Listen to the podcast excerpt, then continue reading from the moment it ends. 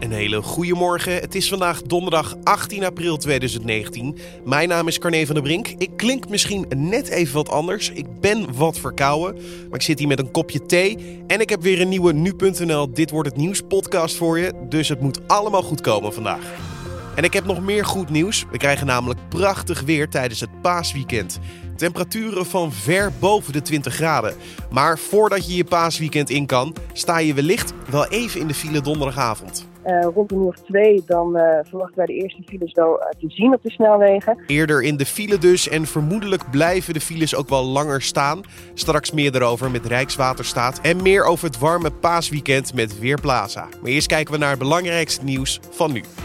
Op het Portugese eiland Madeira heeft woensdagavond een ongeluk met een touringcar plaatsgevonden. Het Portugese persbureau Lusa meldt op basis van lokale bestuurders dat er 29 doden zijn gevallen.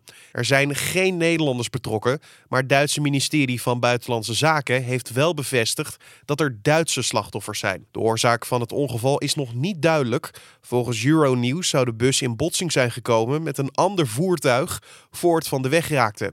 Vervolgens zou de touringcar van een helling zijn afgedaald en op een huis zijn gevallen.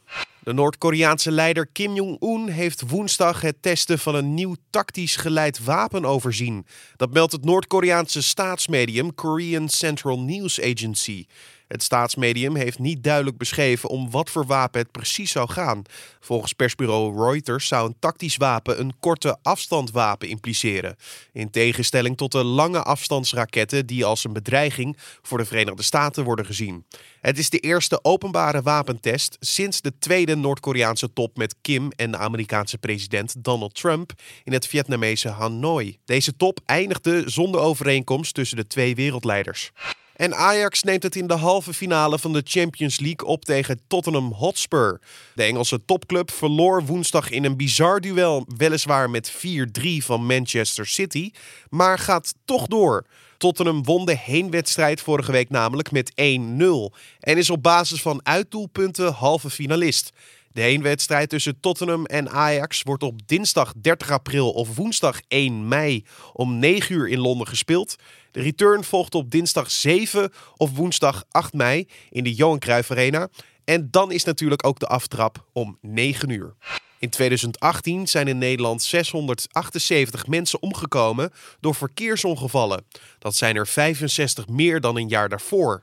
Het CBS meldt dat dit de grootste toename is sinds 1989. De grootste toename van het aantal verkeersdoden was in Noord-Brabant. Daar vielen in 2018 150 verkeersdoden tegen 98 in 2017.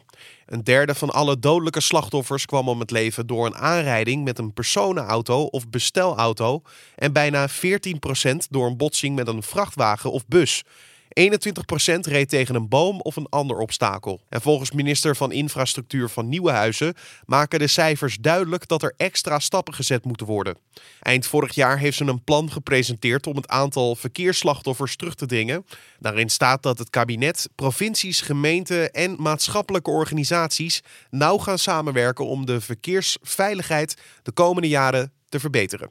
De politie in New York heeft een 37-jarige man aangehouden die met twee kannen benzine, aanstekers en andere brandbare vloeistoffen de St. Patrick's kathedraal was binnengelopen. Een woordvoerder van de politie vertelde dat agenten extra waakzaam zijn sinds de brand in de Notre-Dame van maandag in Parijs en eerdere kerkbranden in de Verenigde Staten zelf. Want in de Amerikaanse staat Louisiana gingen de afgelopen weken al drie kerken, die vooral door de zwarte bevolking werden bezocht, in vlammen op.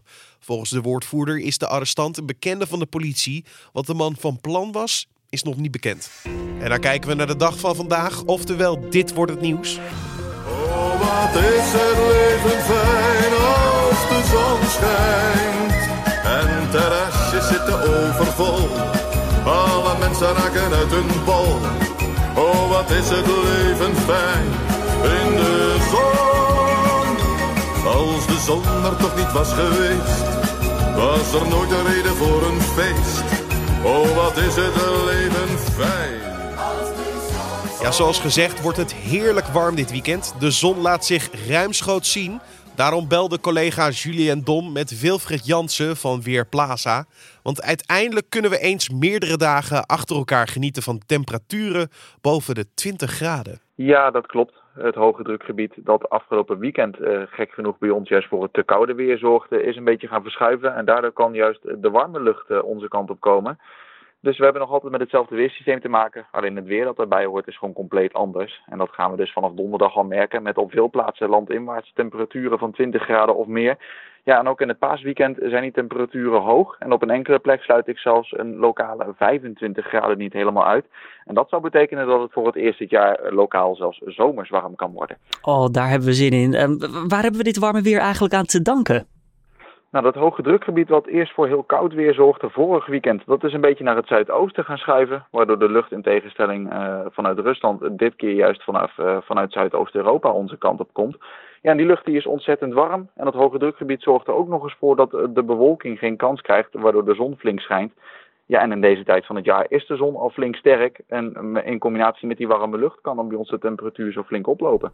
Warm weer hoor ik je zeggen. Uh, veel zon. Betekent dat dan ook uh, een goed moment om even lekker te zonnen?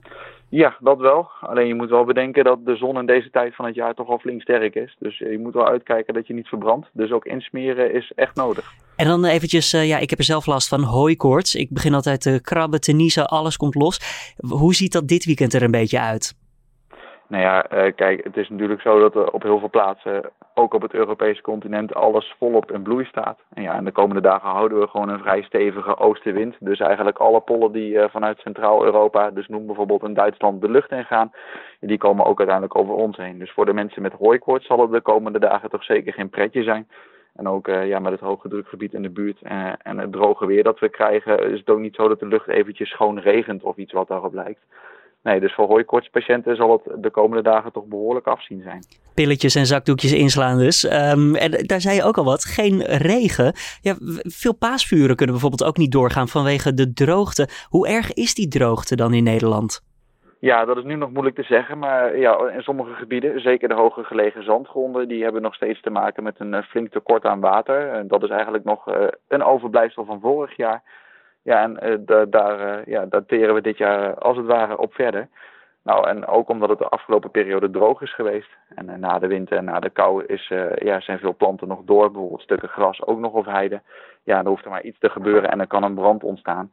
Nou, wat natuurlijk ook zo is, niet alleen in Nederland in de paasvuur een traditie, maar ook in Duitsland. Dus je kan je voorstellen dat wanneer ze in Duitsland wel doorgaan, dat met die oostenwind ja, we wel uh, mogelijk te maken kunnen krijgen met uh, misschien in sommige regio's wat stankoverlast van rook. Is droogte trouwens sowieso een steeds groter probleem aan het worden van Nederland of is dit echt puur een restant van vorig jaar?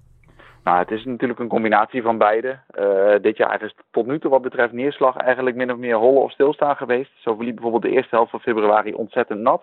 En daarna hebben we voor een, ja, een 10 tot 14 dagen geen neerslag gezien. Nou, de eerste, eerste helft van maart, dat weten we ook allemaal, kleddernat in sommige plaatsen.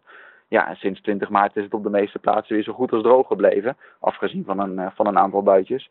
Nou, en, met de steeds sterker wordende zon en de droogte van de afgelopen periode uh, ja, is het nu toch op veel plaatsen, zeker in de toplaag van de bodem, behoorlijk droog.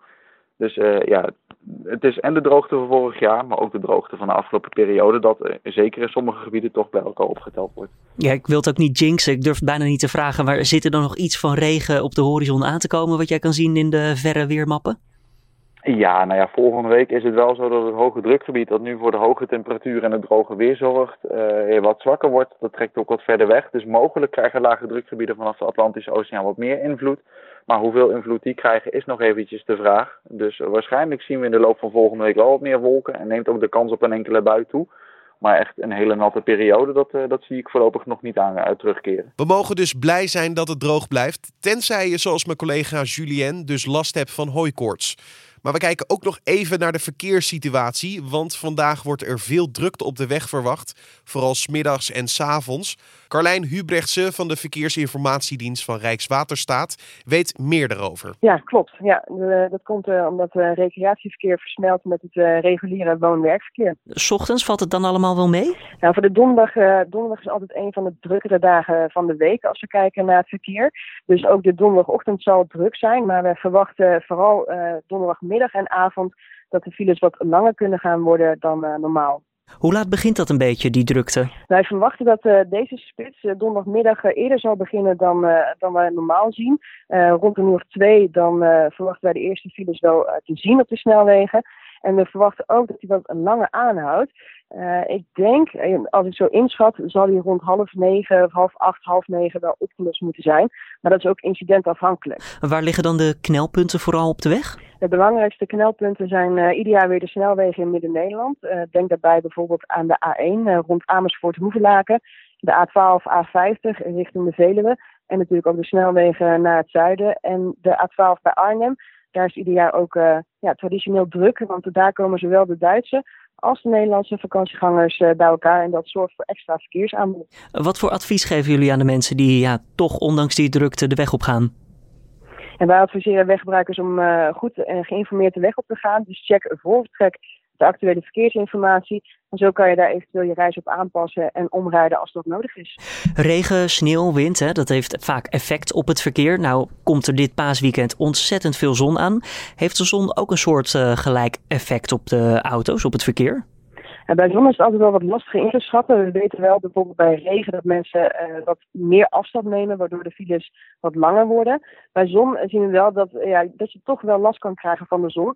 Dus we raden mensen ook altijd aan om een zonnebril mee te nemen als ze de auto in gaan. Verwachten jullie eigenlijk dat er records worden verbroken met uh, ja, de paasdrukte? En dat verwachten we eigenlijk uh, nog niet. Maar we zien wel dat deze week sowieso al wat, wat drukker uitvalt in de spitsen dan, dan dat we verwacht hadden.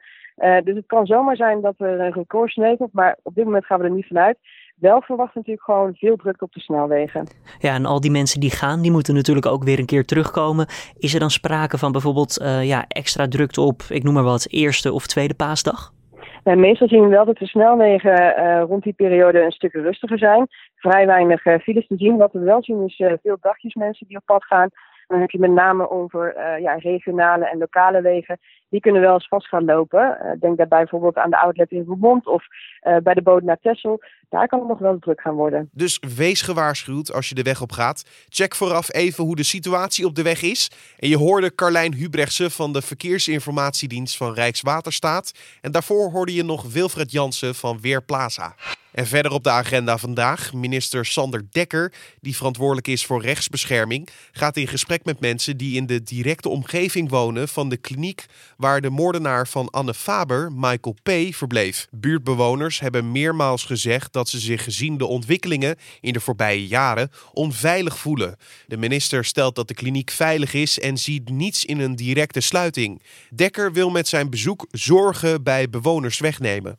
En de Amerikaanse minister van Justitie, William Barr, houdt vandaag om half vier Nederlandse tijd een persconferentie over het eindrapport met betrekking tot het Rusland-onderzoek van speciaal aanklager Robert Mueller.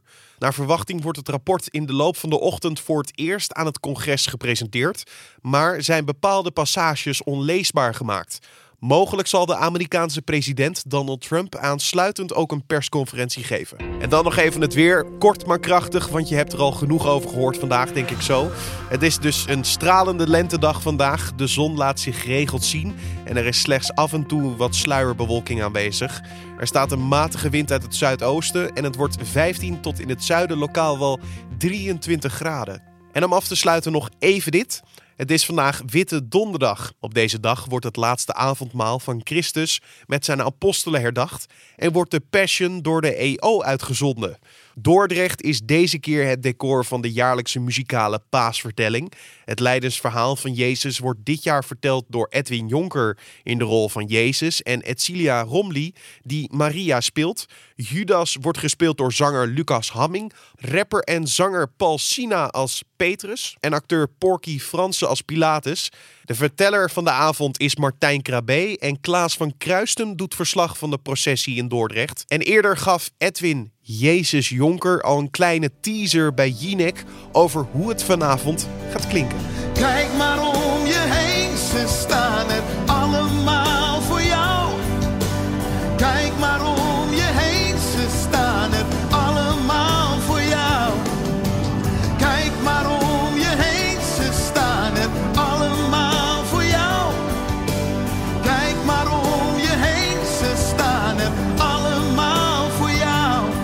Passion is vanavond te zien op NPO 1 om half negen. En dit was dan de Dit Wordt Het Nieuws podcast voor deze donderdag 18 april. Je vindt de podcast natuurlijk elke maandag tot en met vrijdag om 6 uur ochtends op de voorpagina van nu.nl of in je favoriete podcast app. Vergeet je dan niet gelijk te abonneren, want zo mis je namelijk nooit een aflevering van deze podcast. Je kan ons laten weten wat je van deze uitzending vond via een mailtje naar podcast.nu.nl of laat een recensie achter in iTunes. Mijn naam is Carne van der Brink. Voor nu een hele fijne donderdag en tot morgen.